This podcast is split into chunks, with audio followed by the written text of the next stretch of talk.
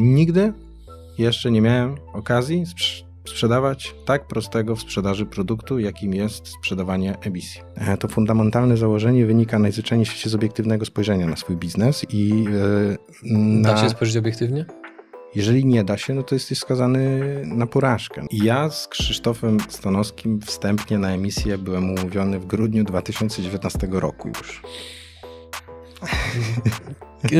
Kiepski okres, ale z powodów, których wtedy jeszcze nie wiedzieliście. 95% rynku przegrywa na tych, na tych platformach brokerskich, nie? No to będąc uczestnikiem tego rynku, musisz się pogodzić z faktem, że jesteś kasyniarzem. Jeżeli chcesz być na bieżąco z naszymi materiałami, zasubskrybuj kanał i kliknij dzwoneczek. Partnerami kanału są Just Join IT oraz RocketJobs.pl, portale pracy przyszłości. Mercaton Asi, inwestycje z pozytywnym wpływem. SoFinanse, eksperci w dziedzinie finansów. IBCCS Tax, spółki zagraniczne, ochrona majątku, podatki międzynarodowe. Linki do partnerów znajdziecie w opisie filmu. Dzień dobry drodzy widzowie, Adrian Gorzycki, Przygody Przedsiębiorców. Witam Was w kolejnym odcinku naszego programu, gdzie tym razem naszym gościem jest Dawid Paczka. Dzień dobry. Cześć Adrian. Drodzy widzowie, nim zaczniemy, dajcie znać w komentarzach, jaką branżę reprezentujecie, jaką firmę prowadzicie, bądź jaki wykonujecie zawód. I z racji tego, że dzisiejszy odcinek będzie w dużym stopniu crowdfundingu, to dajcie znać w komentarzu, czy już dotychczas w tej formule inwestowaliście w jakikolwiek projekt. Od czego powinniśmy zacząć? Z mojej perspektywy chyba od tego, no generalnie jak ty wszedłeś na biznesową drogę, bo masz 33 lata, ale wyglądasz na 20-latka, którego właśnie złowiłem na Wydziale Zarządzania na, na, w okolicznym uniwersytecie. Nie polecam, studiowałem tam, e, ale nieważne. W jakim wieku ty zacząłeś swój biznes? Pierwszy swój biznes, wiesz co, założyłem mm, na studiach. Była to pracownia mm, biżuterii, nazywała się Dew E, ręcznie robionej i konwencja miała być taka, mm, że mieliśmy zbierać projektantki i jakby nawet nie wiedziałem o tym, że to jest wtedy marketplace, nie potrafiłem tego nazwać. W domyśle miał być to marketplace dla handmade, e, handmade'owej, ręcznie robionej biżuterii. Po prostu. Mhm.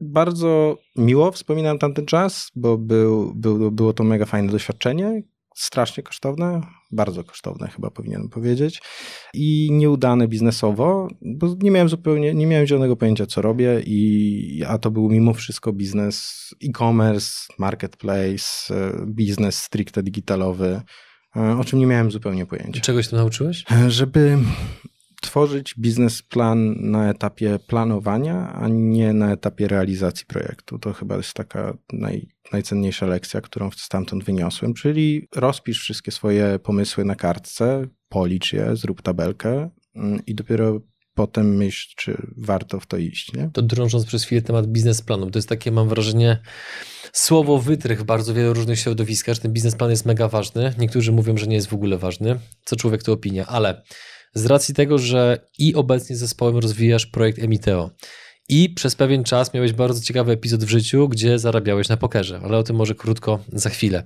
To jeszcze, a propos biznesplanu i biorąc pod uwagę pryzmat Twoich wszystkich obecnych osiągnięć zawodowych, co jest ważne w biznesplanie? Co powinno się w nim robić, a czego absolutnie nie powinno się w nim robić? Najważniejsze w biznesplanie tak naprawdę są założenia, liczby, i to, jaka jest ich sprawdzalność, to znaczy jak, z, jakim prawdopodobieństwem one mogą się urzeczywistnić. Jak to oszacować? Mm, jak, jak to oszacować? No, jeżeli załóżmy, sprzedajesz mm, znicza.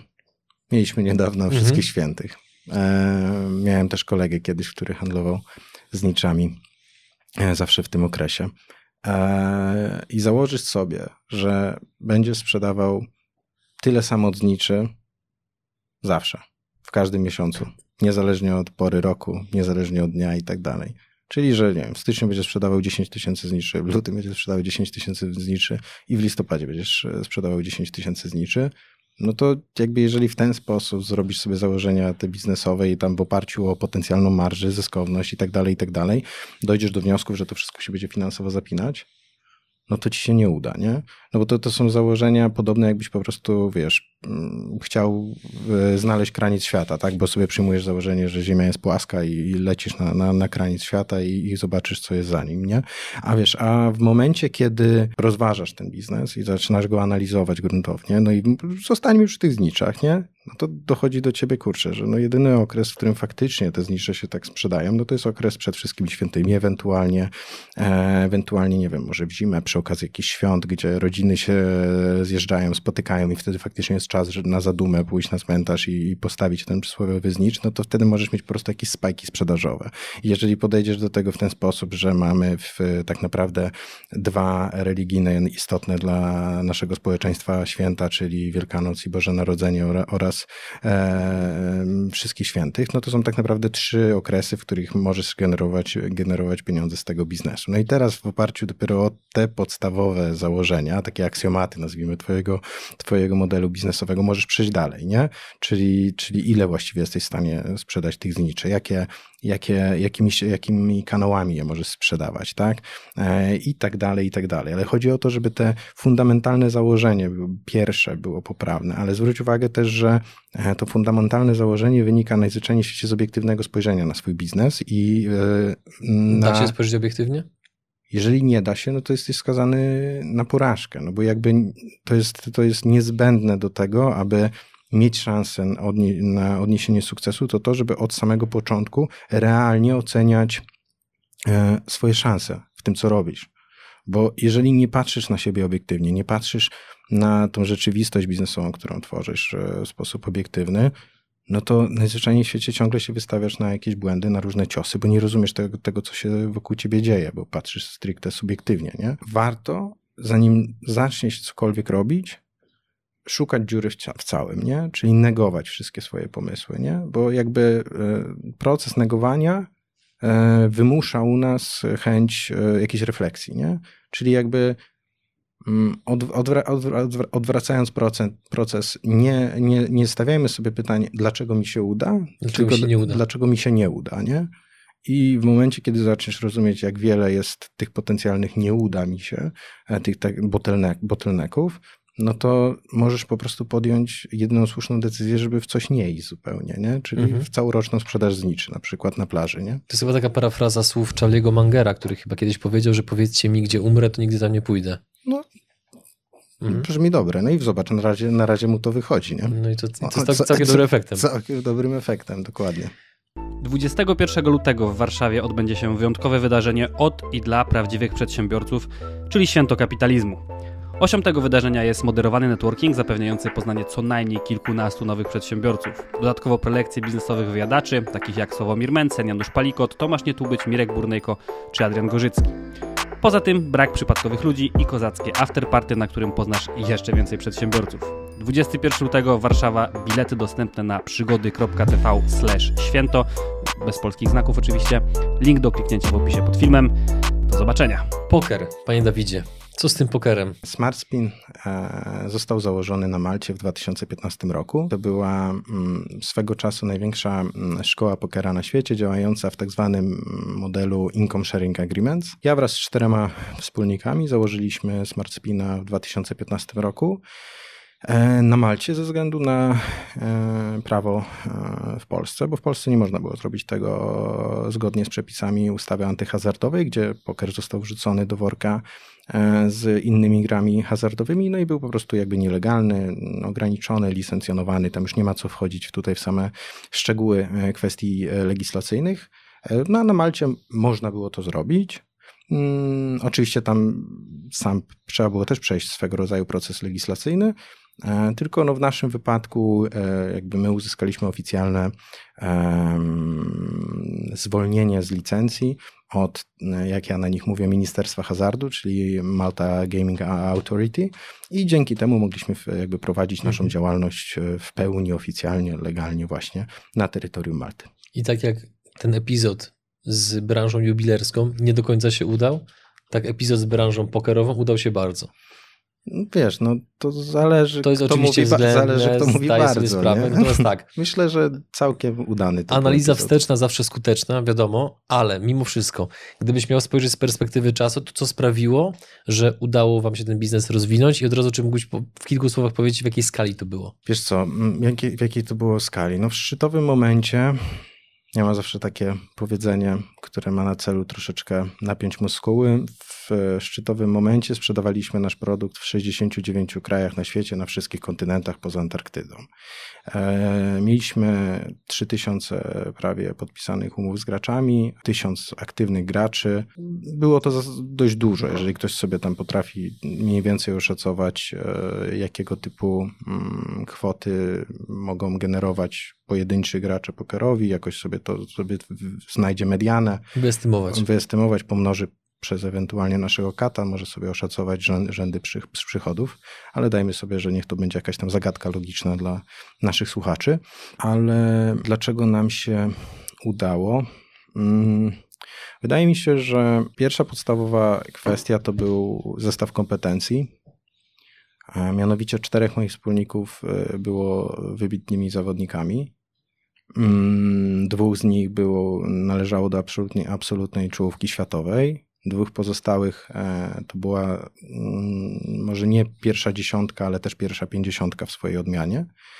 E, ale byli znowuż wybitnymi teoretykami i dobrymi nauczycielami. A ty byłeś kim w tej układance? No bo to pytanie nazywa się naturalnie chyba dość. Wiesz co, ja tak naprawdę byłem osobą, która mm, pomogła im sprzedać to, co oni mają w głowach. Czyli to wszystko skleić. Wiesz, to, to wszystko skleić to jest takie zdanie, jakbym sobie, wiesz, przypisywał trochę pewnie więcej niż, niż zasługuje, ale jakby mm, oni zajmowali się strategią, ja zajmowałem się kwestiami administracyjno-organizacyjnymi, nie? Mhm. Jakby moje mie- umiejętności miękkie, że tak powiem, więcej dawały zdecydowanie w tej przestrzeni sprzedażowej, w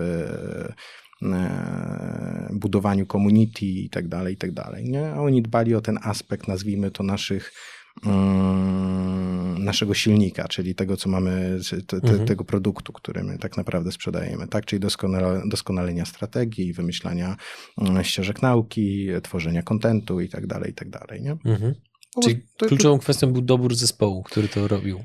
Wiesz co, to zespół dobrał mnie bardziej niż, Mhm. niż ja i wiesz co, jakby jak wiele tego typu pomysłów, e, one trafiają, e, one się trafiają przez przypadek i są, ten dokładnie, jeżeli dobrze pamiętam, był spisany na serwetce e, w jakiejś tam kawiarni. Mm, biznesplan był potrzebny tutaj, czy nie? Nie, ale tutaj był lewar w postaci know-how i to, to, to, to było troszeczkę inaczej. To był Mhm. bardzo dobry pomysł, który, mm, wiesz, jeszcze tutaj kwestia było, był, kwestią był timing, nie? E, To znaczy jakby nikt tego nie zrobił wtedy w ten sposób. Czyli wiesz, jakby masz olbrzymie doświadczenie, rozumiesz branżę i nagle masz ten błysk, który ci mówi, dlaczego nikt tego nie zrobił w ten sposób przez tyle lat, nie? I wiesz, i wychodzi na to, że naprawdę nikt tego nie zrobił tego w ten sposób, a mogliśmy to robić już lata wcześniej, nie? No i po prostu jakby my to rozpoczęliśmy e, i, i, i, i, to, i to jakby, wiesz, naturalnie rosło hiperbo, hiperbolicznie i im bardzo, e, no, nie, był, nie, był, nie był to trudny proces, jeżeli chodzi o sam wzrost i generowanie tam, nie wiem, kilku, kilkunastu procent wzrostu miesiąc do miesiąca przez kilka ko- ko- kolejnych lat, nie? W tym biznesie nadal jesteś? Czy już wyszedłeś z niego? Nie, wyszedłem z niego. Wiesz co, jakby biznes był prowadzony na Malcie. Mm, zaczynaliśmy go, jak miałem 25 lat. E, byłem świeżo po ślubie. Mm, I jakby to był taki okres bez zobowiązań, bez zmartwień, mm, dzięki czemu jakby cały ten czas spędzony wtedy na Malcie był niesamowitą przy- przygodą i strasznie rozwijającym okresem w moim życiu. Zarówno biznesowo, ale przede wszystkim towarzysko, ludzko. Wiesz, jakby to było takie życie od rana, od rana do nocy z krótką przerwą na, na sen, na tworzenie tak naprawdę tego biznesu. Jakby to było, nie, liczyło się nic więcej. Piękne nie? lata. Przepiękne lata. To jest na zasadzie pamiętam, wiesz, jak dzisiaj, jak nie wiem, wstawaliśmy o godzinie 9 czy tam o 8 rano, e, dosłownie, wiesz, e, bo na Malcie jest ciepło, więc w shortach szło się do gabinetu, bo mieliśmy, pierwsze biuro było w naszym apartamencie. Szliśmy do gabinetu z moim współlokatorem i wiesz, od 9 do godziny 23 pracowaliśmy. Potem kupowaliśmy butelkę wina i do godziny pierwszej, drugiej w nocy graliśmy w dotę. Później o godzinie drugiej jeszcze godzinkę posprawdzaliśmy, czy nie ma żadnych interakcji, coś nie trzeba zrobić na soporcie i tak dalej. Szliśmy spać na 6 godzin i zaczynaliśmy kolejny dzień. I tak dzień w dzień, dzień w dzień, po kilkanaście godzin dziennie. Jakby wiesz, z przerwą, nie wiem, na bieganie, przerwą, żeby gdzieś poje, e, pojeździć mhm. na rowerze, cokolwiek, nie? Ale, ale jakby to była jedyna, jedyna rzecz, która się wtedy liczyła. Um, no ale jakby lata mijały. E, urodził mi się synek, I wiesz, w 2018 roku miałem taką sytuację, kiedy moja żona z moim synkiem byli w Polsce, mm, a ja latałem między Polską a Maltą. Policzyłem, że w 2018 ponad 100 razy leciałem samolotem. Dużo. E, dużo, dużo za dużo, wiesz, bo to jeszcze Wizer i niestety nie biznes klasa, ani, ani nawet nie zawsze było dodatkowe miejsce na nogi. E, I wiesz, i to była taka nieustająca tułaczka, gdzie wiesz, e, musiałem ciągle przełączać się z osoby, która prowadzi globalny startup na tatę, męża i tak dalej, i tak dalej. Dopóki, e, dopóki jeszcze było to jedno dziecko, to jeszcze jakoś wierzyłem w to, że będę w stanie to wszystko pogodzić. A po prostu w 2018 roku moja żona zaszła, wiesz, w drugą ciążę. No i nagle dopada cię refleksja, że kurczę, no są rzeczy ważne, ale ważniejsze, nie? I są, jak to mówił świętej pamięci profesor Bartoszewski, są, wiesz, rzeczy, które warto, e, mimo że się nie opłaca, a tak. są rzeczy, których nie warto nawet jak się opłacają. I wiesz, i no, wydaje mi się, że musiałem podjąć najtrudniejszą decyzję w swoim życiu wtedy, biznesowym, tamtą, na tamten czas, i od, odwiesić, że tak powiem, stanowisko prezesa na kołek i odejść, e, bo mm, jakby wybrałem rodzinę, nie? jakby musiałem, musiałem się skupić na rodzinie, bo jednak obiektywnie rzecz biorąc pierwsze półtora roku życia mojego pierworodnego e, bardzo go zaniedbałem. Mhm. To było na zasadzie, wiesz, 240 dni poza domem w roku, 120 w domu. Wiesz, ja nigdy nie chciałem mieć w domu modelu marynarza, nie? Ja nie chciałem być marynarzem, nie? Niezależnie od pieniędzy, nie? Więc y, i po prostu wróciłem do, do, do domu i zrobiłem mhm. sobie gapiera i myślałem co dalej. Dzięki, że jesteś z nami i oglądasz nasze filmy. Chcielibyśmy przekazać Ci krótką informację. Przygody przedsiębiorców to nie tylko wywiady. Na co dzień zajmujemy się przede wszystkim wideomarketingiem na YouTube. Jeśli chcesz, aby Twoja firma zaczęła generować lidy z platformy, która zrzesza ponad 20 milionów użytkowników w samej Polsce, to wejdź na przygody.tv i sprawdź, jak możesz z naszą pomocą skorzystać z potencjału YouTube'a, zanim zrobi to Twoja konkurencja. Natomiast zamiłowanie chyba do dużych rzeczy, do dużych projektów zostało, no bo teraz na tapecie głównie jest przede wszystkim Emiteo, gdzie udziałowcami między innymi są nawet goście tego programu, jak chociażby Maciej Filipkowski czy Szymon Negacz. Zgadza się? Tak jest. No i teraz, czym jest Emiteo? Zwłaszcza w kontekście innych platform crowdfundingowych, które no siłą rzeczy naszym widzom są znane, no bo te platformy już istnieją wiele lat na rynku, a wy jesteście stosunkowo młodym podmiotem. Wiesz co, ja tutaj troszeczkę mm, zacznę od tego, że no może są wiele lat na rynku, ale w związku z kwestiami regulacyjnymi w Polsce i tym, że do 2018 roku miałeś ograniczony mm, limit e, zbiórek, zbiórek e, na zasadzie uproszczonej emisji akcji do 100 tysięcy euro, to tak naprawdę w Polsce rynek crowdfundingowy nie istniał. Oczywiście mm, z, jedna z naszych konkurencyjnych platform, e, już zresztą można po nazwie, Bisfund, jakby wtedy raczkował, robił jakieś pierwsze emisje i tak dalej, i tak dalej. Crowdway tam też wtedy się, się pojawiał, ale wiesz, tak przed 2018 rokiem, jakby w momencie, kiedy mogłeś zebrać tylko te 100 tysięcy euro, no to na jakiś bardzo presidową, małą fazę zarodkową jakiegoś projektu to była wystarczająca kwota, ale jeżeli mówimy o jakimkolwiek już biznesie rozwiniętym, no to nie warto było w ogóle wchodzić w ten mhm. proces. I dopiero jak ta, mm, ten limit się odblokował i on został dziesięciokrotnie zwiększony do miliona euro, to nagle tak naprawdę to jest data, czyli to chyba był marzec 2018 roku, kiedy ten rynek w Polsce zaczął działać. Znaleźliśmy się w sytuacji, kiedy y, jesteśmy na przykład, nie wiem, 6 lat za e, Wielką Brytanią i takimi platformami jak e, Crowdcube czy e, które się rozwijały właśnie od 2011 roku. W Polsce on się zaczął dopiero w 2018 roku.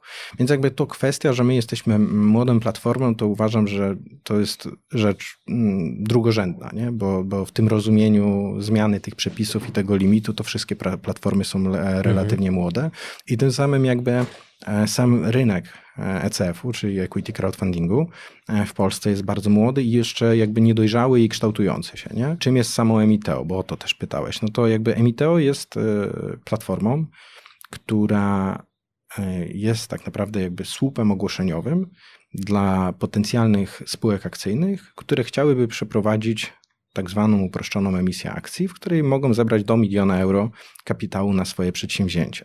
I jakby mm, tego typu spółka przychodzi do nas, e, przeprowadza taką emisję i my udostępniamy jej silnik platformy i za pomocą jakby naszej platformy potencjalni inwestorzy e, mogą e, dokonywać zakupu i zapisu na akcję mhm. tej spółki. Czy wasza oferta różni się czymś od tego, co mają inne platformy? To nie jest tak, że ten rynek potrzebuje w tym momencie aż tak dużej jakby mm, rozróżnienia usług, nie? To znaczy mm, rynek crowdfundingowy cechuje się tym, że przez to, że on się jeszcze rozwija i rośnie w ponad 50% tempie rok do roku, a mm, jakby to, to powoduje, że po prostu są potrzebne nowe podmioty. Które jakby, to przerobią Które wszystko. to przerobią wszystko mhm. z jednej strony, a z drugiej strony poprzez zwiększoną konkurencję i tak naprawdę e, lustrzane odbicia mm, zachodnich podmiotów, które się po prostu jakby replikują czy tam multiplikują na danym, w danym, danym rynku, e, to cała branża się profesjonalizuje, a ma to odzwierciedlenie po prostu we wzroście jakości dostarczanych usług. I wiesz, i e, jakby przechodząc do, do, do, do jakby takiej już skonkretyzowanej odpowiedzi, to to, że pojawiają się nowe platformy, takie jak Emiteo, gdzie jest jakiś tam powiew świeżości, gdzie founderzy, founderom się chce, bo dopiero zaczynają, bo mhm. mają jakieś nowe pomysły, powoduje, mm, powoduje to, że wiesz, że przychodzimy z czymś nowym mimo wszystko, bo mamy jakieś rzeczy, który, których nie robili inni. Nie, my to, my to jako pierwsi tam wprowadzi, wprowadziliśmy, nie? I wiesz, jakby... Co na przykład? Wydaje mi się, że Pierwszą podstawową taką rzeczą, którą my wprowadziliśmy, to zautomatyzowanie procesu, e, czy tam współautomatyzowanie procesu zapisu na formularz, e, podpisania formularza zapisu na akcję ale to jakby zaraz wejdziemy w te technikalia, bo to jakby była taka niby innowacja, która dla mnie w ogóle innowacją nie było. Byłem przekonany, że wszystkie platformy to miały, okazało się, że nie miały tego żadne platformy i jakby ten proces my bardzo uprościliśmy, nie? UX-owo i, i tak naprawdę jakby sam, jeżeli chodzi o, o, o, to, o me mechanikę tego procesu, nie? Ale ale wiesz, jakby zmierzam do tego, że każdy tego typu podmiot, e, jak się pojawia na tak młodym i rozwijającym się rynku, on ma wpływ na to, że cały rynek lepiej performuje. I tak naprawdę ja uważam, że najbliższe 2-3 lata e, to będzie czas ostrej rywalizacji, konkurencji. 2-3 lata wyłonią lidera i zacznie się proces konsolidacji. Mhm. To co sprawiło podrąże Przepraszam, że podkreślam być może fakt tego, że jesteście e, młodym podmiotem, ale... Nie musisz przepraszać, jesteśmy młodym podmiotem, ale tylko, że zmierzamy do tego, bo to chodzi, tak, że... Znaczy, nie chcę, żeby ktoś powiedział, że się tego jakoś teraz uczepiłem, się tego te, trzymam za wszelką okay. cenę. Bardziej chcę ten temat podrążyć z tego powodu, że czasami się spotykam z takimi przedsiębiorcami, którzy chcą wejść na dany rynek, ale widzą, że są tam już powiedzmy podmioty, które już mają jakąś skalę, jakąś rozpoznawalność i dla nich to jest taki troszeczkę sygnał, że nie, skoro już jest duża, duża konkurencja, taki Goliat, to, no to ja jako Dawid, Dawid, no to ja nie będę wchodził. Więc chcę zapytać jeszcze z innej strony, co sprawiło, że pomimo młodego wieku firmy byliście w stanie na przykład przeprowadzić emisję KTS Weszło, albo teraz wkrótce Fame MMA? Jak zrobiłem sobie gapiera, mm, ten rok przerwy. Tak, tak, ten rok przerwy. Mm, pojechałem do Mm, Tanzanii. Miałem taką potrzebę, że moim jednym z wielu dziecięcych marzeń było wejście na Kilimandżaro.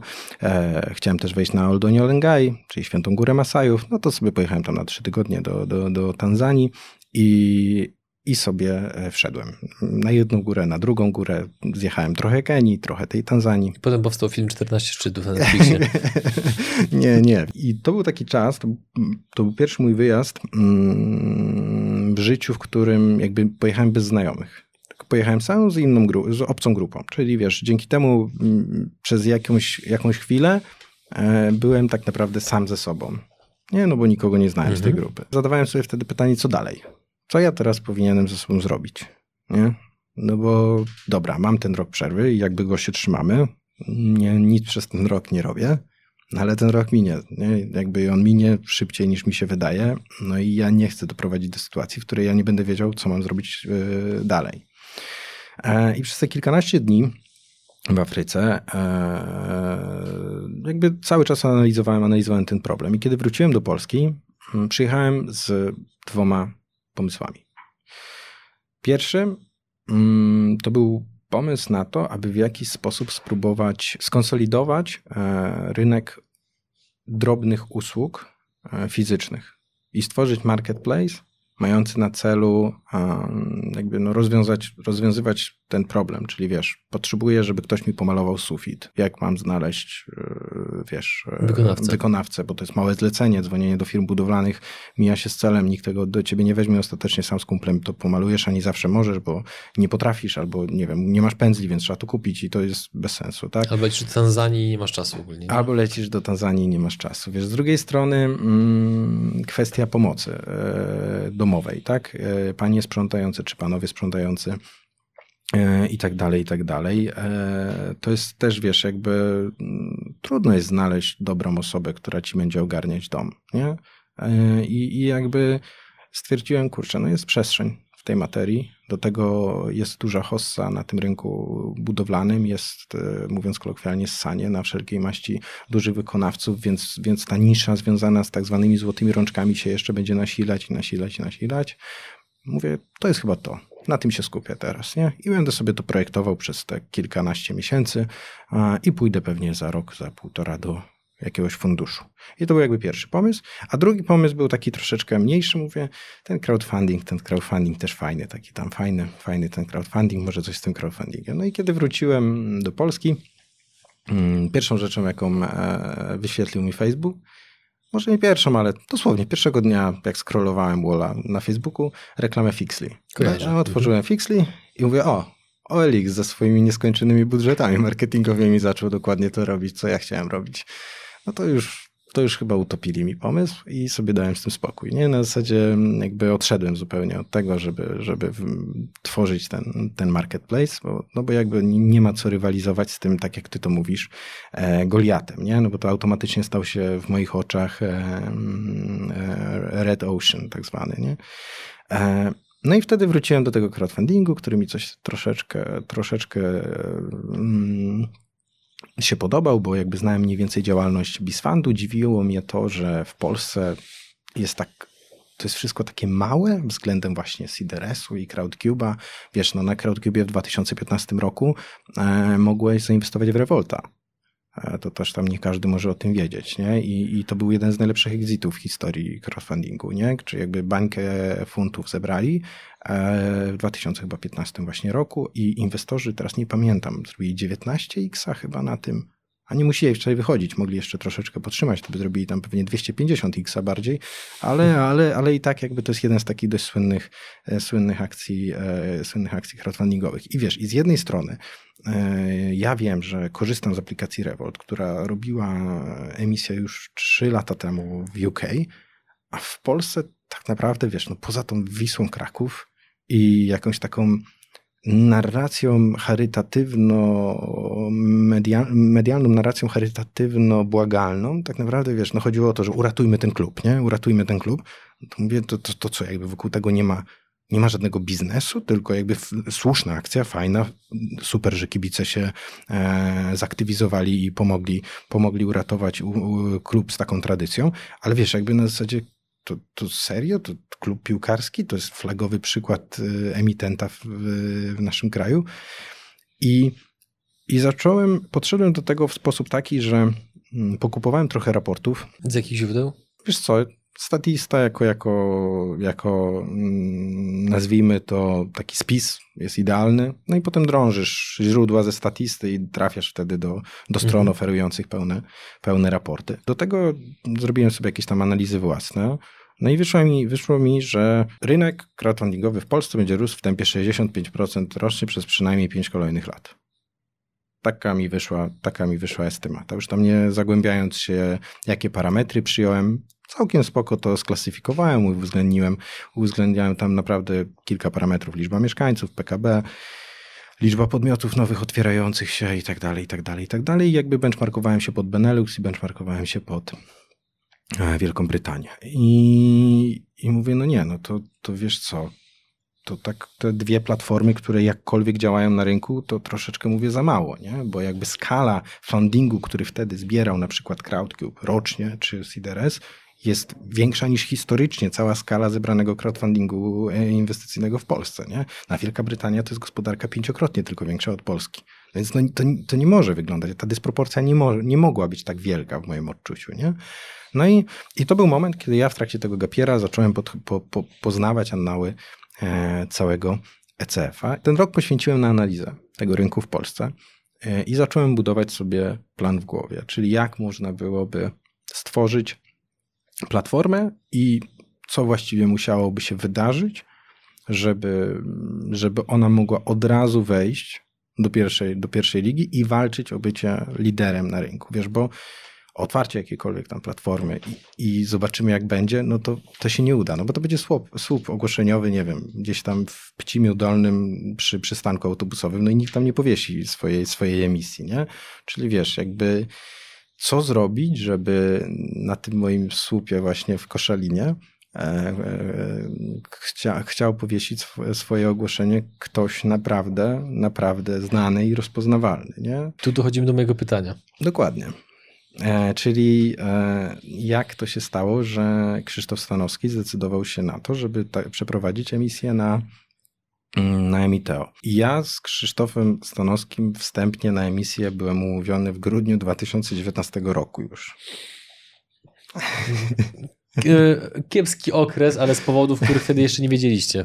Mam, mam pewnie jakąś tam umiejętność e, dochodzenia do osób, docierania do osób, które, z którymi chciałbym porozmawiać. No i tak się tutaj złożyło, że Krzysztof zgodził się na spotkanie. I jak zaproponowałeś to spotkanie, że powiedział tak? Biorąc pod uwagę jego rozpoznawalność i to, jak bardzo jest zajętym człowiekiem. Znam Bogusława Leśniatarskiego, to ułatwiło mm -hmm. byłego właściciela Legii. Mm -hmm. Po mhm. prostu jakby... Mm, Czyli bo... wykorzystałeś po prostu swoją siatkę kontaktów, którą tak. miałeś z wcześniejszych lat. Okay. Może nie, że z wcześniejszych lat, ale jakby mój, mój mm, wspólnik przez e, wiele, wiele lat e, pracował w kancelarii, w kancelarii Bogusia Leśniatarskiego. Trzeba to troszeczkę inaczej zwizualizować. Wiesz, ja rozrysowałem sobie mapę mapę 50 mm, podmiotów, które były bardzo dobrymi e, podmiotami, które mogły być pierwszymi emisjami na Emiteo. I tam było weszło oraz Fame na przykład. Fame Fame nie, Fame'u jeszcze tam wtedy nie było, ze względu na to, że Fame dopiero miał swoje początki, a początki Fame'u były, były zupełnie inne niż to, co dzisiaj widzimy. Nie? Miałem tam 50 podmiotów, które chciałbym, żeby pojawiły się w pierwszych latach na ten. I wokół, w tych 50 podmiotach miałem wybrane 10 podmiotów, które były absolutną topką, które wiedziałem, że muszą się wydarzyć. Który z nich. Nie? I z tych 10 podmiotów miałem wybrane tam kolejne 3 czy 4 podmioty, które już były takimi, wiesz, jakby najlepszymi możliwymi e, trafieniami opus magnum. Taki opus magnum i tylko, że widzisz, no, trzeba było zrobić tak, żeby opus magnum pojawiło się na samym początku. Dzięki temu mm, oszczędzi, wiedziałem, że oszczędzimy mnóstwo pieniędzy na marketing i budowanie świadomości brandu i tak dalej, i tak dalej, nie? I wiesz co, no uderzyłem do wszystkich osób z tych opus magnum.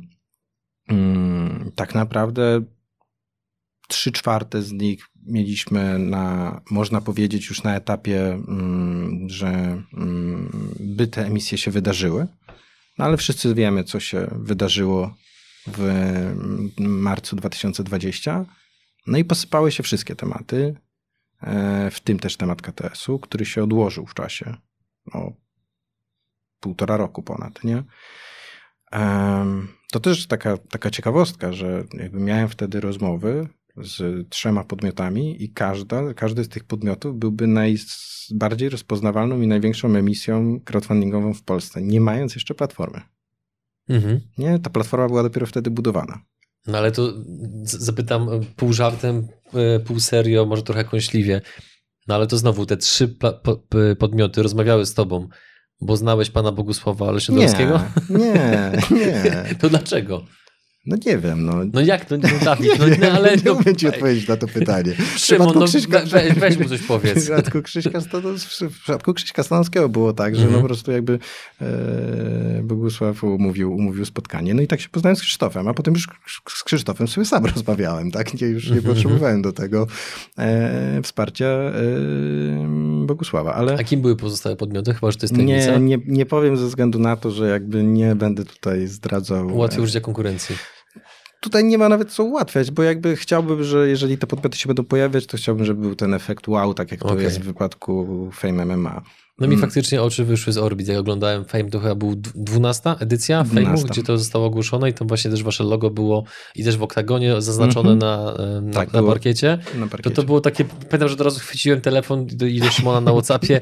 Ty, mordo, tam widziałem, że Emito i tak dalej, zajebista sprawa. No i to, no, więc to faktycznie ten efekt wow był. Wiesz co, jakby Mm, wydaje mi się, że jak spotykam się z tego typu osobami jak e, Krzysztof Stanowski, mm, to wiesz, jakby, nie wiem, no to lepiej, to jest jakby troszeczkę, wiesz, pytanie do Krzysztofa, ale jakby ja staram się w tej rozmowie zwizualizować cały proces, ale nie w taki sposób, żeby usilnie go przekonać do tego, aby on ze mną podpisał, podpisał umowę i żeby był moim klientem, tylko ja mu jakby, jakby niezależnie czy to jest Krzysztof, czy jakakolwiek tego typu organizacja, jakby od razu nakreślam wszystkie ryzyka, szanse i zagrożenia i Czyli konsekwencje i tak dalej. Bardzo transparentnie do tego podchodzę, nie?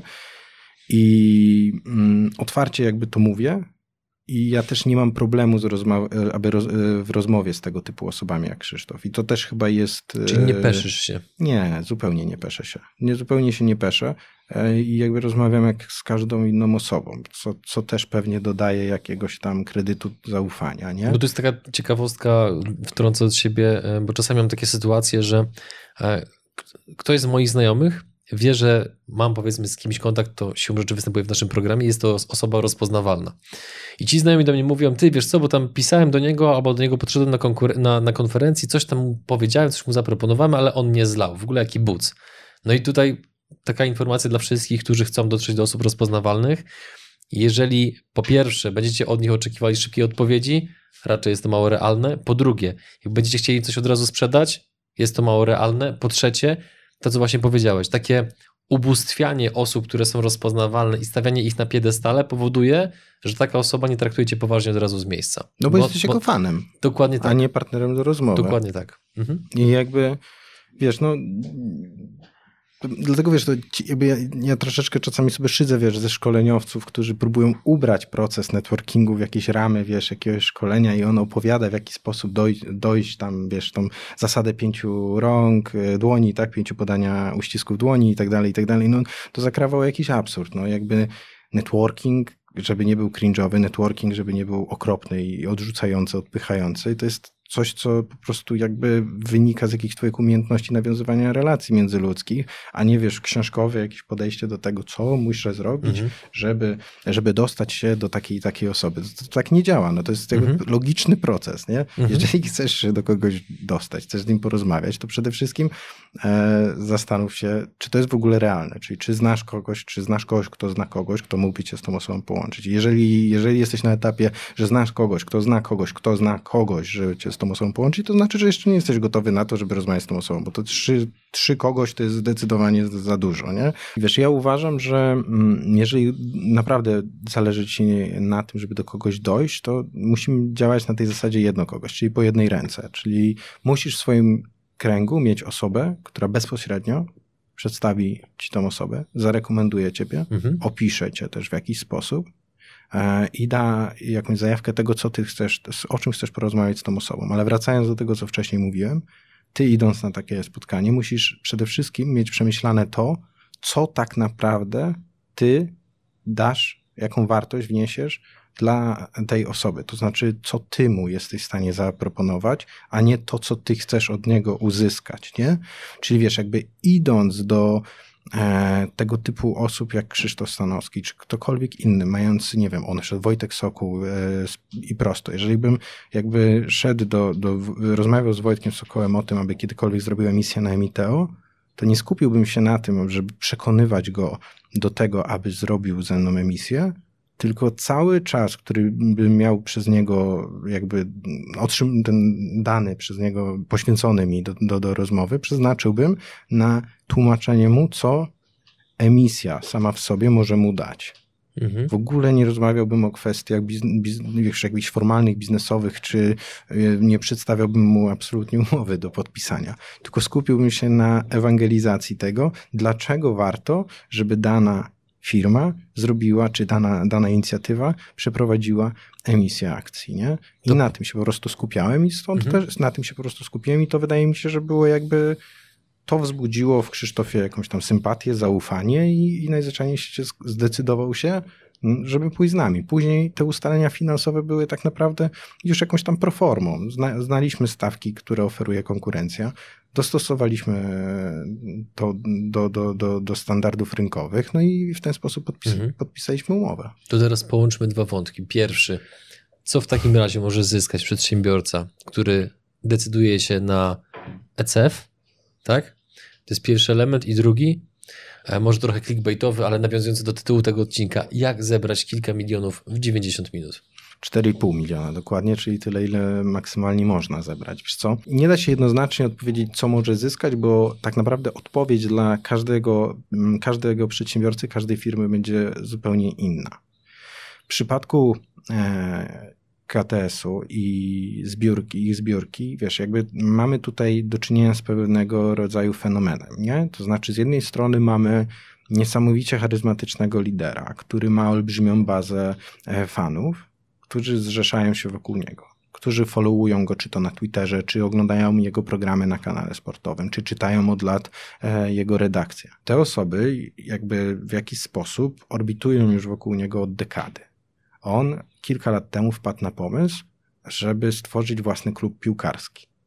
Zasady są takie, że jak tworzysz klub, uzyskujesz licencję, zaczynasz od najniższej możliwej ligi. No więc ten klub najpierw tam przeszedł pierwszą, to ma klasę B, klasę i tak dalej, i tak dalej wszedł do ligi okręgowej, czyli efektywnie do szóstej ligi. I wiesz, i to, i to było takie dość ciekawe zjawisko w polskim sporcie, już przed e, emisją, gdzie streamy z meczu e, KTS weszło, oglądało 3000 osób, 4000 osób, jakieś ładne bramki, miały, nie wiem, wyświetleń na Weszło TV, na YouTubie, nie wiem, 50 tysięcy wyświetleń, 100 tysięcy wyświetleń a tak naprawdę w każdej miejscowości powyżej 15 tysięcy mieszkańców były zespoły, które pewnie grały gdzieś tam w wyższych ligach, nie? No tylko, że oni jakby zrobili z KTS-u taki no swego rodzaju performance ideologiczny, sportowy, tak? Czyli tworzymy klub od podstaw, który miał być, wiesz, jakby takim jakby wbiciem jakiegoś, jakiegoś e, klina. klina w tę całą strukturę e, nazwijmy to PZPN-u i tego, jak to wyglądało przez lata, nie? Czyli wiesz, no bo jakby kluby piłkarskie, to co on tam się zawsze Krzysztof śmieje, że było jedno takie małe okienko historyczne tam 100 lat temu, czy 70 lat temu, kiedy można było zakładać kluby piłkarskie i potem koniec. Już nikt nie może założyć klubu piłkarskiego. Koniec, kropka, kluby piłkarskie muszą mieć stuletnią tradycję, bo jak nie ma stuletniej tradycji, to nie jest klub, nie? Czyli mieliśmy okienko tam w 1920 roku do 1950, potem już nie wolno zakładać klubów piłkarskich. No i takie, takie przeświadczenie żyło, no bo jakby no, nie, nie było za bardzo nigdy nowych klubów. Wiesz, nie wiem, duże firmy nie otwierają swoich klubów piłkarskich, tylko sponsoruje, sponsorują istniejące za niebotyczne kwoty często, nie? A tak naprawdę dlaczego to robią? Jest mnóstwo dobrych szkółek piłkarskich. Jest w Polsce, to wiadomo, piłka no, nożna to jest, to jest druga religia. E, tam mm, kartę piłkarską ma 4 miliony chyba ludzi w tym kraju. To są jakieś olbrzymie liczby, nie? I wiesz, i tak naprawdę tych drużyn mogłoby być nieporównywalnie więcej, nie? E, no i jakby mając tego typu zaplecze, jak Krzysztof mogłeś zrobić, zrobić cały, jakby, jakby cały ten proces tworzenia klubu, w ogóle mogłeś to zrobić, do tego mogłeś sprawić, żeby ten klub od razu stał się medialny, nie? I żeby mieć, miał kibiców, miał jakichś tam sponsorów i stał się rentowny. Nie musiałeś brać pieniędzy od miasta, nie musiałeś szukać sponsorów, tylko tak jak, tak jak oni to zrobili, tak naprawdę mm, od początku ten klub się finansowo jakoś tam zapinał, nie trzeba było do niego szczególnie dokładać, co jest już samo sobie ewenementem. E, no i wpadł na kolejny pomysł, tak, że kurczę, jeżeli jest coś takiego jak crowdfunding i equity crowdfunding i mogę oddać część klubu e, tak naprawdę kibicom, no to może mógłbym też oddać im proces zarządzania tym klubem. Czyli stworzyć jakąś aplikację takiego football managera na żywo, gdzie wśród kibiców z całej Polski Będziemy, będziemy się jakby organizować, będziemy decydować, będziemy głosować, będziemy tworzyć klub ogólnopolski. Nie lokalny, nie wiesz, miastowy, czy, czy, czy jakiś, jakiś tam miasteczkowy, tylko ogólnopolski, gdzie nie wiem, w zarządzie może być osoba ze Szczecina, Rzeszowa i Jeleniej Góry. No bo czemu by i nie? Żyjemy w, wiesz, w zdigitalizowanym świecie. To, to jest kwestia tylko dobrej aplikacji i to jest możliwe, tak? Bo wiesz, zebrania zarządu można robić na Zoomie, tak?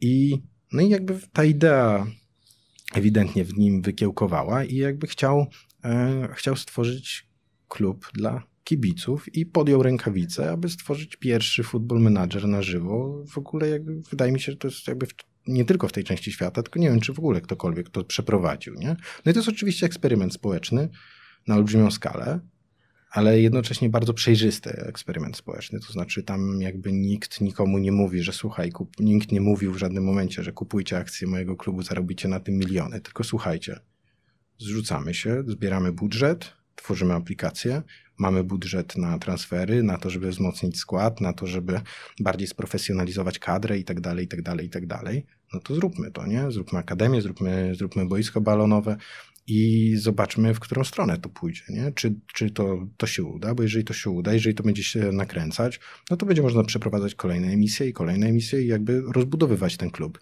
I za, nie wiem, 7, 8, 10 lat może okazać się, że te osoby, które zaufały Krzysztofowi w 2021 roku będą świętować wejście KTS-u do ekstraklasy. A pomyśl sobie, jaka to będzie historia w ogóle, nie? Mhm. To będzie abstrakt, że człowiek e, nie, nie, nie, nie, bo to znikąd to jest nie, nie, nie, nie, nie absolutnie nieodpowiednie określenie, tylko wiesz, jakby e, dziennikarz sportowy stworzył swój klub, który gra teraz w ekstraklasie, który jest wygrał. kierowany przez kibiców. kibiców. którzy mają realny wpływ na to, w jaki sposób, jaki, w jaki sposób ten klub o, operuje. Wiesz, to jest kwintesencja właśnie crowdfundingu, nie? E, I zmierzam, wiesz, zmierzam też do tego, że zobacz, co tu się, co, co tak naprawdę ten klub zyskuje poza, poza oczywistą pierwszą rzeczą, że 4,5 miliona budżetu, nie? To mam mm, jakby KTS, weszło SA, zyskało przede wszystkim 3,5 tysiąca akcjonariuszy. To jest to jest, to jest taki zasób, że nagle masz na pokładzie 3,5 tysiąca ludzi, którzy chcą ci dawać feedback, którzy są skłonni e, szukać e, zawodników e, i wiesz, skautować, którzy chcą się zaangażować w działalność jakąś operacyjną, którzy mogą ci pomóc szukać sponsorów, którzy, mm, którzy przyprowadzą na mecz, na mecze swoich znajomych, swoje rodziny i tak dalej, i tak dalej. Wiesz, i nagle może się okazać, że jak oni będą grali w trzeciej lidze, to nie będą potrzebowali stadion na 20 tysięcy osób, bo jak już będzie po dwóch emisjach i tych akcjonariuszy będzie 10 tysięcy i jak będzie przyjeżdżać na mecz, nie wiem, tam jedna trzecia tych akcjonariuszy ze znajomymi, to będzie kilkanaście tysięcy osób i na mecz drużyny trzecioligowej będzie przychodzić więcej, wiesz, więcej osób niż na jeden mecz Pucharu Polski, nie? to mhm. będzie, wiesz, zobacz, że to, to jest taka, to się nagle może się stworzyć taka legendarna historia, taka absurdalna. Jakby żyjemy trochę w świecie, w którym absurdy e, są, wiesz, e, bardzo doceniane i bardzo chcemy uczestniczyć w różnych zabawnych absurdach. No i, to I co więcej, technologia umożliwia występowanie tych absurdów. Dok dokładnie. I wiesz, i tylko, że ja bardzo chciałbym, żeby coś takiego zaistniało. Ja nie jestem fanem piłki nożnej, to też warto zaznaczyć. E, że, ale, ale jakby jakby tym projektem jestem zachwycony. Jakby, jakby ja nim żyję autentycznie. Czytam wszystkie posty, które się pojawiają na grupie i tak dalej, i tak dalej. Najzwyczajniej w świecie e, ciekawi mnie ta konstrukcja, Mhm. nie, nieustające zaciekawienie, nie? to znaczy w którą stronę skręci ten projekt, co tam się wydarzy, wiesz, jak będzie wyglądać ten proces zarządzania, nie? Kiedy wybuchnie pierwsza jakaś gównoburza, mówiąc kolokwialnie. Bo wybuchnie na Bo pewno. Wybuchnie na pewno, ale, ale co będzie przyczyną tej gównoburzy? Wiesz, to jakby to jest, no aż miło się to śledzi, więc jakby co, co, co, co zyskało KTS poza, poza, poza pieniędzmi? Mm, Kilka tysięcy zaangażowanych ludzi, którzy będą chcieli wspomóc ten projekt, Mhm. pomóc, temu, pomóc temu projektowi i będą chcieli jakby sprawić, żeby ten, ten klub rósł w siłę, żeby szedł do kolejnych lig i tak dalej, i tak dalej. I wydaje mi się, że mogą wystąpić przedziwne aberracje właśnie jeżeli chodzi o popu- po, po, poziom popularności tego klubu względem najlepszych klubów w naszym kraju na przestrzeni najbliższych sezonów. Jeżeli oni wejdą do trzeciej ligi, uważam, że będą jednym z najbardziej, najlepiej oglądanych e, zespołów e, w ogóle z dowolnych e, dyscyplin w Polsce. Bo to Mhm. już jakby to będą, będą mieli, zobaczysz, no, na streamach po kilkadziesiąt tysięcy ludzi będzie oglądać ich. Większość firm nie ma i nigdy nie będzie miała tego poziomu rozpoznawalności, co KTS weszło, więc co tego typu firmy, które być może rozważają crowdfunding w przyszłości, co one mogą wyciągnąć z tego typu emisji jako taką dobrą praktykę do, do zastosowania u siebie właśnie. Sam proces crowd, crowd, crowdfundingu jest bardzo długi.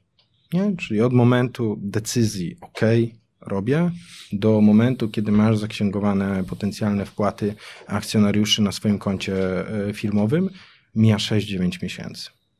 I wiesz, i tak naprawdę te 6-9 miesięcy to jest czas, który ty możesz spożytkować na wiele sposobów i wnieść jakąś tam wartość dodaną dla siebie mm, w trojaki, w różnoraki sposób, nie?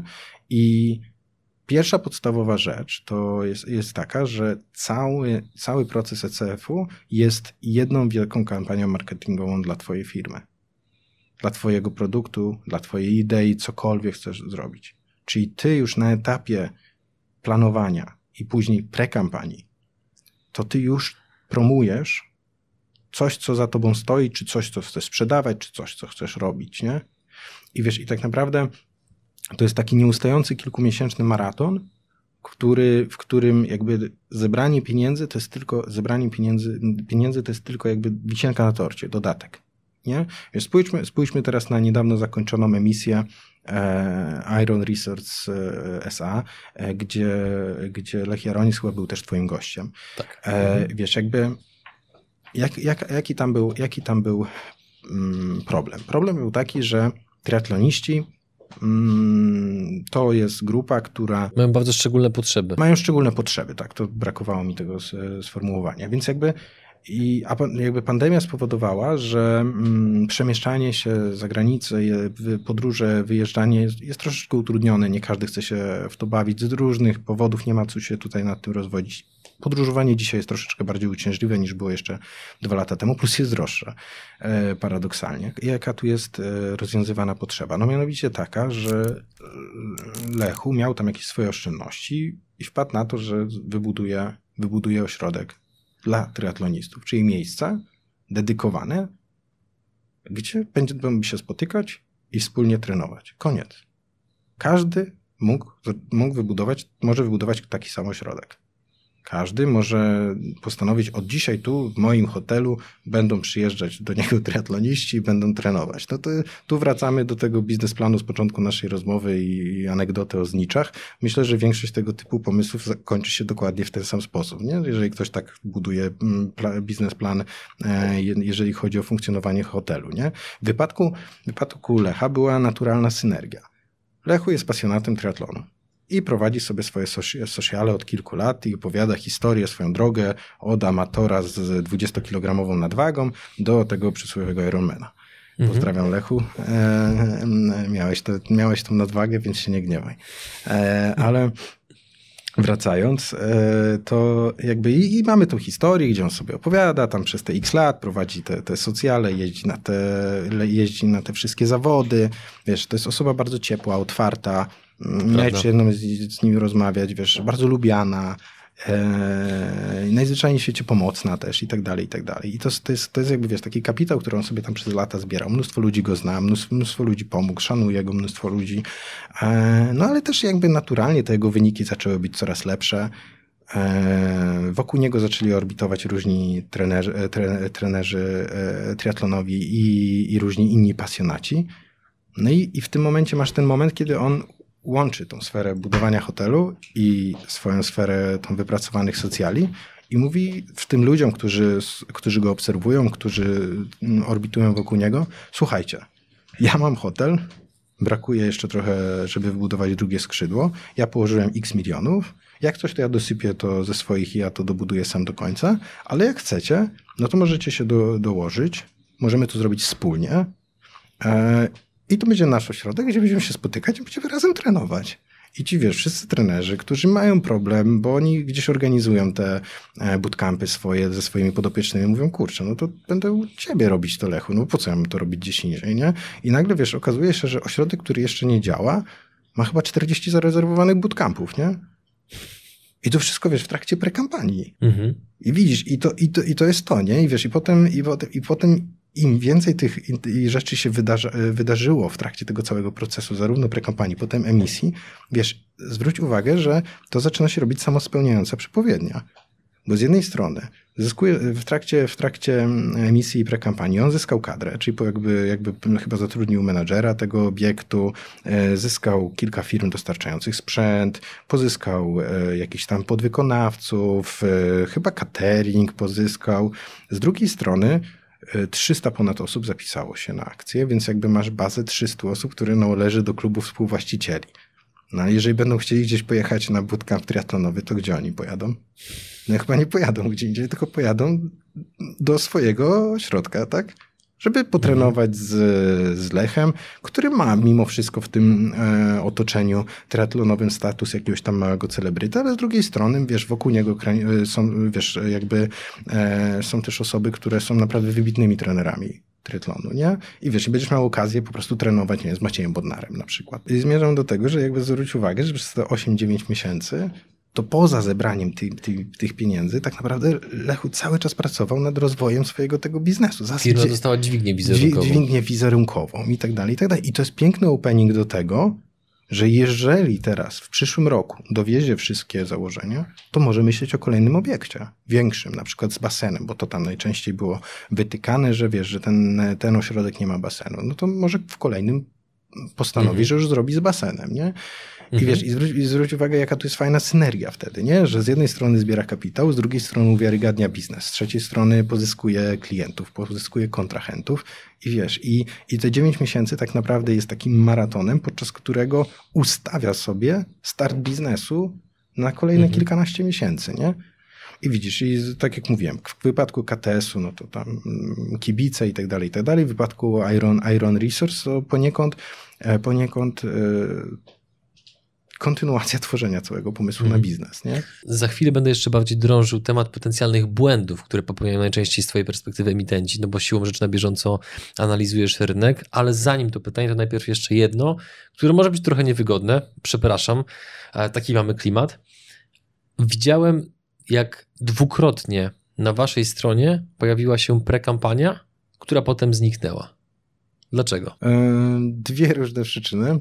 Mm, pierwsza mm, była taka, że mm, to, to może ciężko być uwierzyć, ale pojawił się inwestor, który po prostu pokrył całe zapotrzebowanie finansowe. Czyli 4,4 miliona. Tam było nawet więcej, ale jakby mhm. ono na zasadzie to zupełnie się wydarzyło poza nami. Okej, okay, biorę wszystko. Cześć, koniec. Mhm. druga była trochę bardziej nieprzyjemna, ze względu na to, że Wiesz, ja zawsze powtarzam naszym potencjalnym emitentom, e, że nigdy jeszcze nie miałem okazji sprzedawać tak prostego w sprzedaży produktu, jakim jest sprzedawanie emisji. E, no bo jakby, wiesz, masz taką prostą zasadę, nie? Idziesz do kogoś i mówisz mu, słuchaj, zrób emisję, zbierz 4,5 bańki. No, mhm. Koniec sprzedaży. Co, nie wiem, daj mi kilka procent. Okej, okay Koniec. I to jest jakby koniec refleksji. Jeżeli tak budujesz ten komunikat, każdemu sprzedasz, każdemu sprzedasz emisję. Oczywiście potem będą straszne konsekwencje, bo te emisje nie będą wychodzić, ale jakby sam proces sprzedaży potencjalnej emisji jest, jest bardzo prosty. To powoduje, że tak naprawdę nie problemem jest znalezienie emitenta, tylko znalezienie dobrego emitenta. Wiesz, jakby cechy dobrego emitenta to jest tak naprawdę materiał na kolejny odcinek yy, przygód przedsiębiorców. Wymień chociaż trzy. Sumienność, rzetelność i praworządność. Nie startujesz w wyborach w przyszłym roku. Nie. Nie, niestety, wiesz co, jakby sumienność, rzetelność i praworządność, jakkolwiek to nie brzmi trywialnie, e, to są takie cechy, e, którym często po prostu brakuje. Nie? I takich fundamentów nie mają firmy, które chcą się eksponować praktycznie na całą Polskę i nie tylko poszukując pieniędzy i, budow- i, budu- i chcąc budować społeczność wokół siebie? Większość. Okej, okay. interesujące. I e, znaczy wiesz, bo ty mówisz, że chcą budować społeczność wokół siebie. Ja to, to ci powiedziałem. Jeżeli zakomunikujesz i jeżeli, jeżeli potencjalny emitent słyszy tylko jeden komunikat, mogę zebrać 4,5 miliona, mogę zebrać 4,5 miliona, to on nie myśli o budowaniu społeczności, on nie myśli o zwiększaniu świadomości, on nie myśli o kreowaniu, tylko on słyszy tylko jeden komunikat, mogę zebrać 4,5 miliona. To wiesz, to jak w tym, to jak w tym memie, nie? Wiesz, e, pójdź po coś tam, to, to, to będzie kosztować tyle i tyle, ale potarguj się do tylu, nie? I wiesz, i ktoś zapamięta tylko tą jedną cyfrę, nie? Że ma coś pójść i gdzieś położyć coś. I wiesz, jakby chodzi o to, że mm, jeżeli będziemy... Kotwiczą się po prostu. Kotwiczą się do tych 4,5 miliona. Jezu, najprostsze pieniądze. Ja mam lepszy biznes przecież. Ten Krzysztof Stanowski to nie jest żaden biznes. Mój biznes jest, będzie super. To oni zbiorą to od razu, nie będzie problemu. Każdy mi da te pieniądze, nie? I wiesz, i...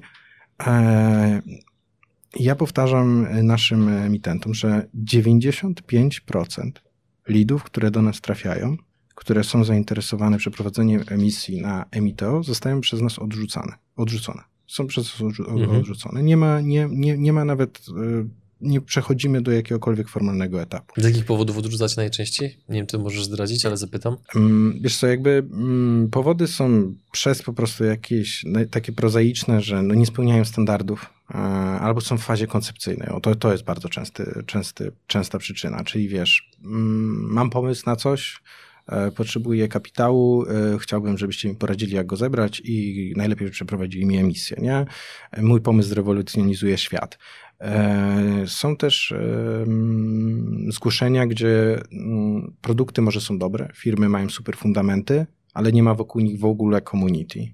I to jest bardzo duży problem, nie? No bo nie wiem, na przykład. Y, Czy brak community całkowicie skreśla emisję na waszej platformie? Musiałyby zaistnieć do tego bardzo specyficzne, e, inne jakieś, jakieś e, okoliczności. okoliczności, tak, które mogłyby sprawić, żebyśmy rozważyli przeprowadzenie tej misji. No, nie wiem, charyzmatyczny lider na przykład, który faktycznie e, będzie się angażował w proces mhm. ewangelizacji tej, tej inwestycji, ale, ale w momencie, kiedy w momencie, kiedy nie ma zupełnie community i to jest taki, wiesz, biznes typu mm, po prostu B2B, nie wiem, gorzelnia sprzedająca spirytus dla producentów środków chemicznych, no to, to niezależnie od rentowności, to to się nie uda. Tu trzeba pójść wtedy po prostu po business angeli albo, albo mhm. większych inwestorów, albo finansowanie długiem, nie? Bo to, co też powtarzam zawsze, jakby crowdfunding to w ogóle nie jest dla wszystkich, nie? Jakby nawet dla bardzo wąskiej grupy, nie? Odpowiadając, dlaczego odrzucamy, nie, lepiej, lepiej odwrócić to pytanie i zapytać się, co powoduje, że, że ktoś może, co, co jest potrzebne, żeby, żebyśmy rozważali po prostu to, mhm. żeby, to, co żeby, jest potrzebne. To, co jest, mm, żeby crowdfunding miał miejsce. No, community, charyzmatyczny lider, e, zaangażowany, tak? Tak naprawdę osoba, która po prostu jest świadoma tego, że przez kolejne kilka miesięcy będzie musiała większość swojego wolnego czasu i dużą część zasobów swoich e, w trakcie pracy codziennej prze, prze, przeznaczać właśnie na proces fundraisingu i proces jakby popularyzacji ECF-a, który przeprowadza, mhm. nie? I wiesz, to, to jest olbrzymi obowiązek. To jest tak, jakbyś nagle sobie dorzucił, wiesz, jakiś taki projekt, który jest równorzędny z resztą firmy.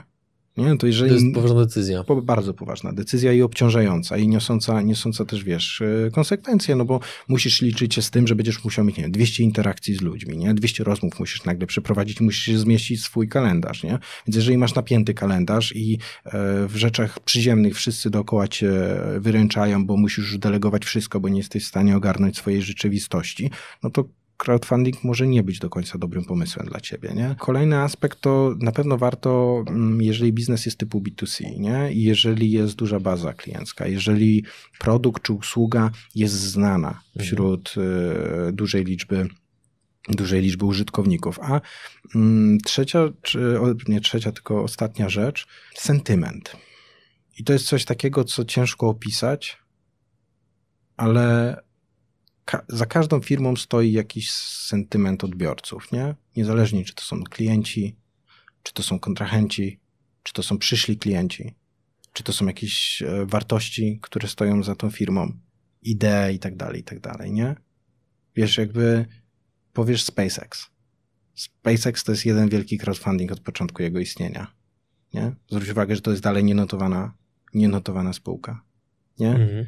E, I co tam jest właściwie, w co tam są wkładane pieniądze od początku? W ideę człowieka, który ma jakąś tam wizję, czy ona jest słuszna, czy ona jest zasadna, czy ona jest poprawna, to nie jest podcast, żebyśmy dyskutowali na temat, na tego typu temat, ale, ale zmierzam do tego, że właśnie ten sentyment to jest, to jest, to jest często mhm. to klucz, nie? I zwróć uwagę, że, że i, i zarówno Iron Resource, jak i KTS to, to są emisje, które bazują na sentymencie, na jakiejś konotacji, która, mhm. która wynika z tego, co za nim stoi, nie? Co tam, jakby z czym to się wiąże, nie? E, bezpłciowość brandu jest olbrzymim, olbrzymią przeszkodą, nie?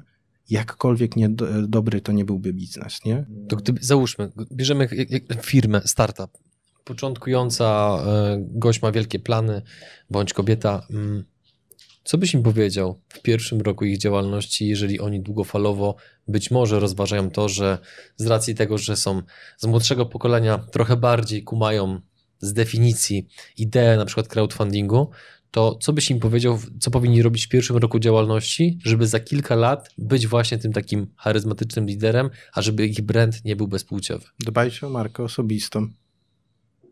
Czyli rozwijajcie po Powiedziałeś prostu. to z takim entuzjazmem, że prawie ci uwierzyłem.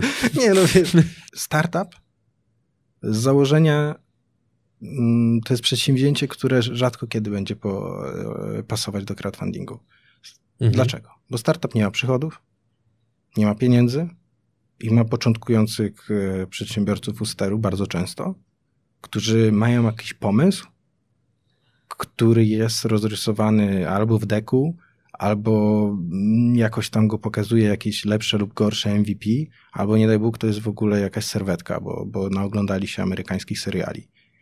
E, I wiesz, i oczywiście taki startup może wyjść, tylko, tylko tutaj potrzebne jest przekonanie jednej osoby, aby postawiła większą sumę na ciebie, nie? Czyli jakby jak, jak słyszę startup i jeszcze słyszę w tak zwaną fazę e, prezarodkową, czyli pre-seed, no to od razu odpowiadam fundusze VC, jakieś alfy czy inne PFR i tak dalej. Idźcie tam albo do jakiegoś akceleratora mm, i cokolwiek, tam szukajcie, szukajcie e, pomocy na początku. Rozwinijcie ten biznes. Zobaczcie, czy będziecie w stanie na przykład bootstrapować, czyli finansować to ze środków własnych i z bieżących przychodów, czy nie.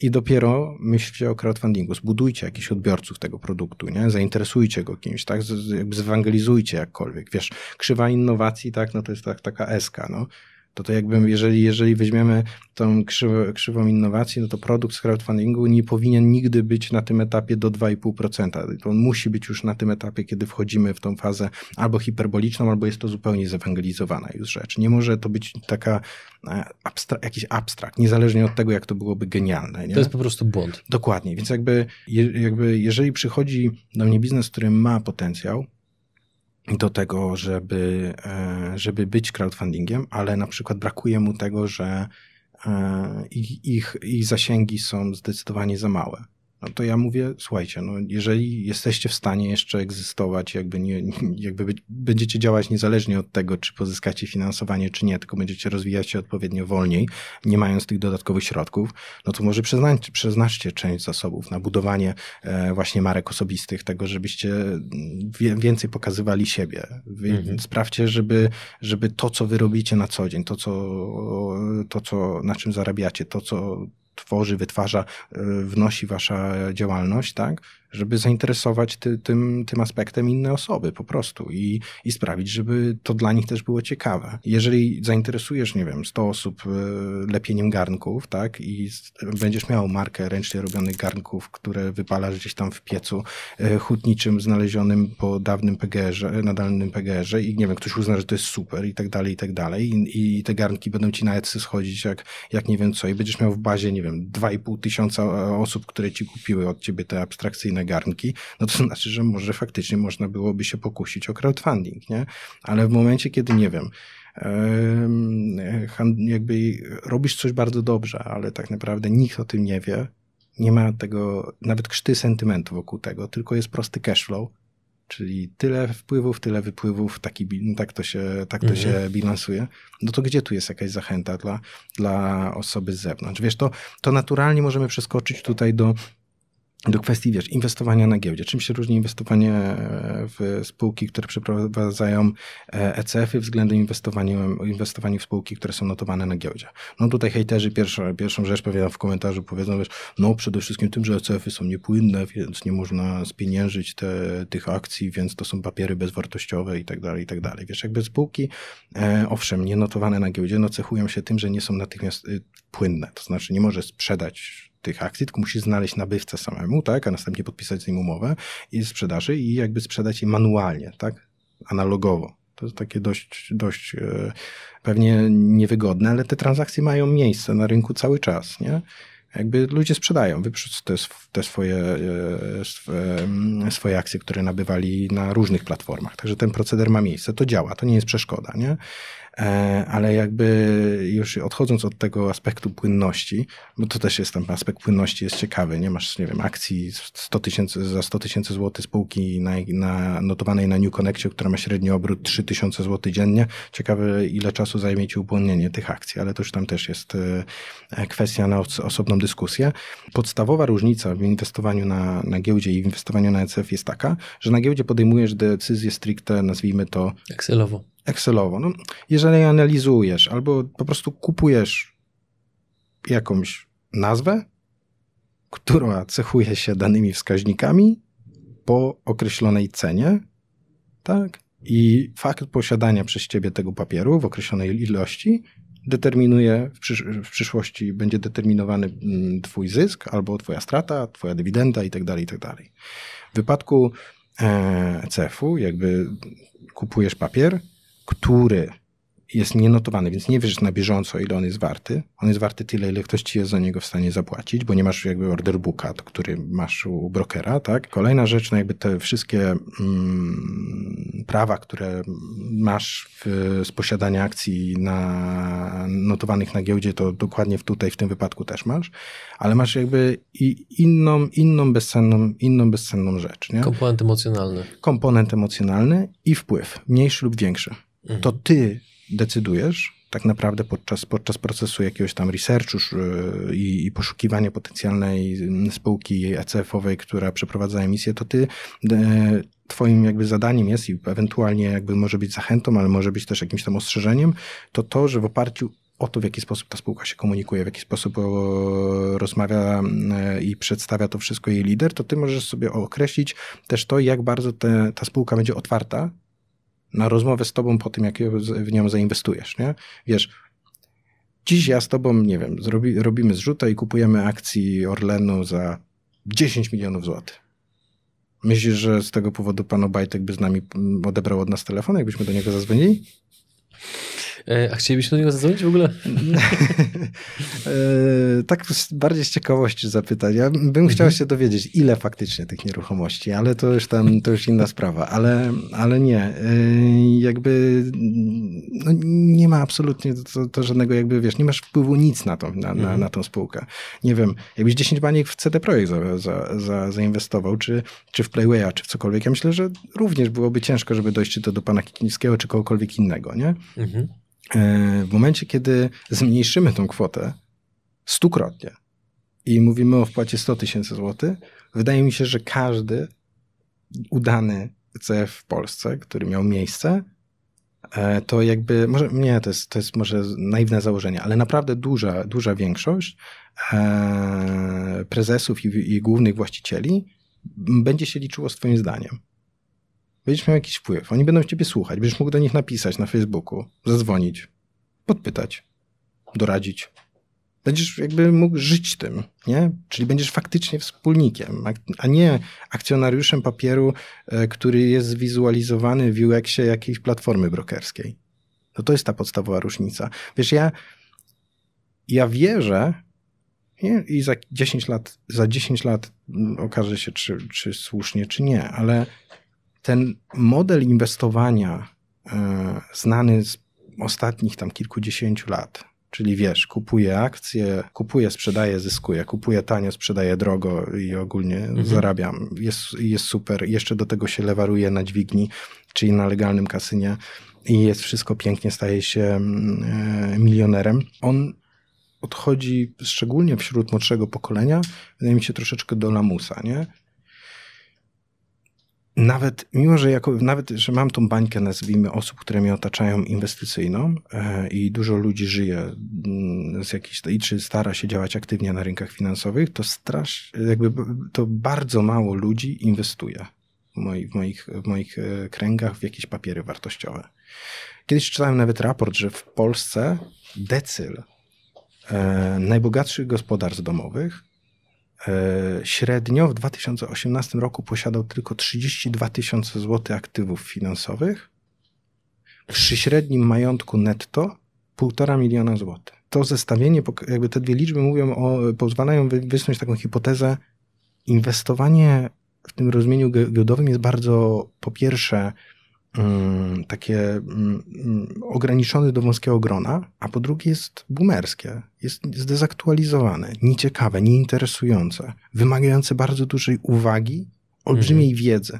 I jeżeli, i, i tak naprawdę, jeżeli, jeżeli sobie uzmysłowisz, tak szczerze, że 95% rynku przegrywa na tych, na tych platformach brokerskich, nie?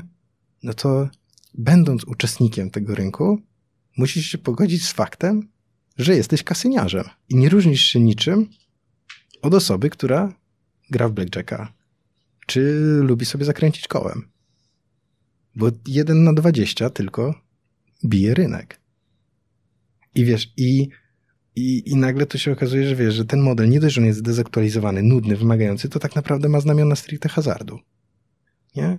I i wiesz, i jest ta cała narracja w ECF-ie, że abstrakcyjne wyceny, że to tam nie ma sensu, nie ma sensu biznesowego i tak dalej. I wiesz, tam ci wszyscy znawcy giełdy, nie? Mówią wtedy, krzyczą i, i podnoszą larum, bo, bo mówią, że to nie ma sensu. I tak, oczywiście, w większości wypadków to, to jest dokładnie tak, jak mówią i na te spółki trzeba uważać. Trzeba uważać na spółki zdecydowanie z abstrakcyjnymi wycenami. Trzeba czytać dokumenty ofertowe, trzeba robić research w rejestrze IO na temat powiązań każdego prezesa, który prze, przeprowadza emisję e, crowdfundingową trzeba patrzeć, co robili wcześniej, dla jakie biznesy, słuchać, jeżeli występują u ciebie, oglądać twój wywiad, później mm, szukać, szukać dalej tego, co się tam dowie, dowie, mhm. dowiedziałeś na ten temat. Czyli robić research dokładnie taki sam, jak robisz na giełdzie. Tylko tutaj, jeżeli znajdziesz sobie jakąś taką właśnie perełkę, tak, to możesz stwierdzić, wrzucę swoje, wrzucę swoje mm, oszczędności,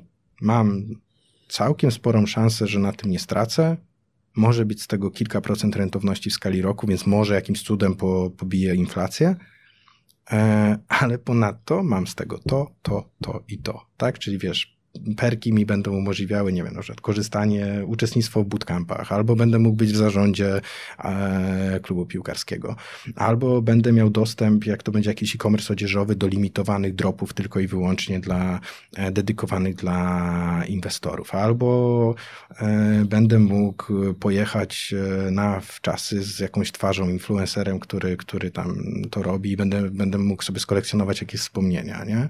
Wiesz, jakby mnie bardzo pasjonuje i jara tak najzwyczajniej w świecie to, że jeżeli platformy udźwigną e, ten obowiązek jakby dostarczania dobrych emitentów i będą przeprowadzały due diligence odpowiedni, robiły sito, żeby po prostu unikać, jak e, unikać tego elementu, który chce po prostu, wiesz, pobrać hajs i, i, i, I, zniknąć. i zniknąć, albo pobrać hajs i go nie, że zniknąć, tylko w sposób kreatywny roz, porozrzucać, czy przepalić w piecu w spółce, tylko wziąć właśnie projekty ludzi z jakąś tam pasją, z jakimiś ideami, które mają jakieś pomysły, ale najzwyczajniej w świecie e, fundraising jest, no, tra, taki tradycyjny fundraising jest dla nich niemożliwy, bo nie mają zdolności kredytowej, bo nie są w stanie uzyskać finansowania od VC i tak dalej. Ja wierzę, że jeżeli platformy będą naprawdę przykładać dużą wagę do tego due diligence'u i będą wyszukiwać tego typu projekty, to jakby jaram się możliwościami, które nie, niesie to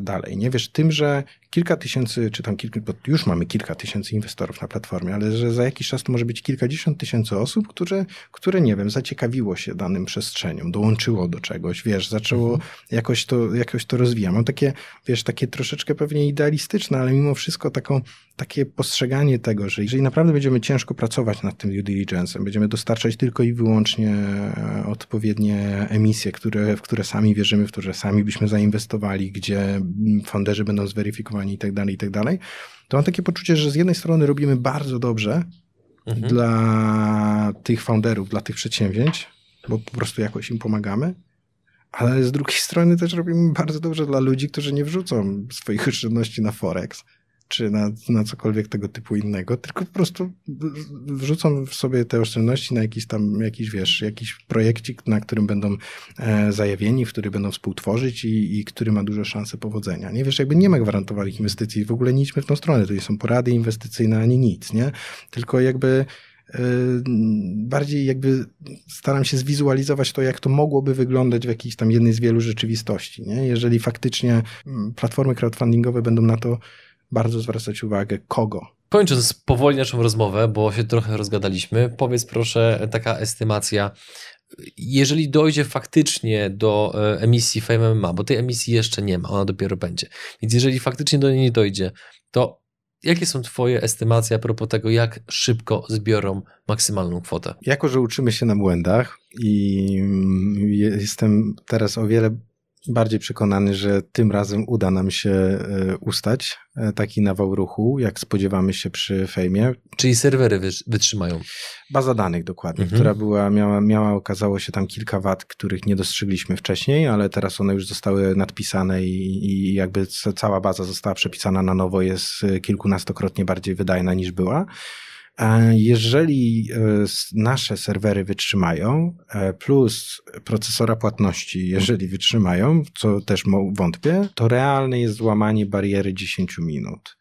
Mhm. To jest moja jakby, to jest moja estymacja. Ja chciałem podać podobną, więc tutaj nie będę tego nadpisywał. Przyjmujemy, że jest szansa złamania Ale bariery 10 jeżeli, minut. jeżeli cokolwiek e, tutaj się zapcha, czy to z naszej strony, aczkolwiek tak jak mówię, no z naszej wydaje mi się, że nie ma już możliwości, żeby się zapchało, ale, ale wiadomo, że na żywym organizmie człowiek się uczy najlepiej no to jeżeli, jeżeli, jeżeli cokolwiek się zapcha, to pewnie godzina, podobnie będzie. Nie? Tak, mhm. bym, tak bym strzelał, że no zainteresowanie jakby jest, jest bardzo duże. Ja tutaj nic nie mogę powiedzieć ze względu na to, że to, to leży po stronie spółki, żeby tego typu rzeczy, te komunikaty mhm. dawać. Także zachęcam do obserwowania. Nie? Jakby... No i właśnie pro obserwowania, gdzie można was znaleźć w internecie?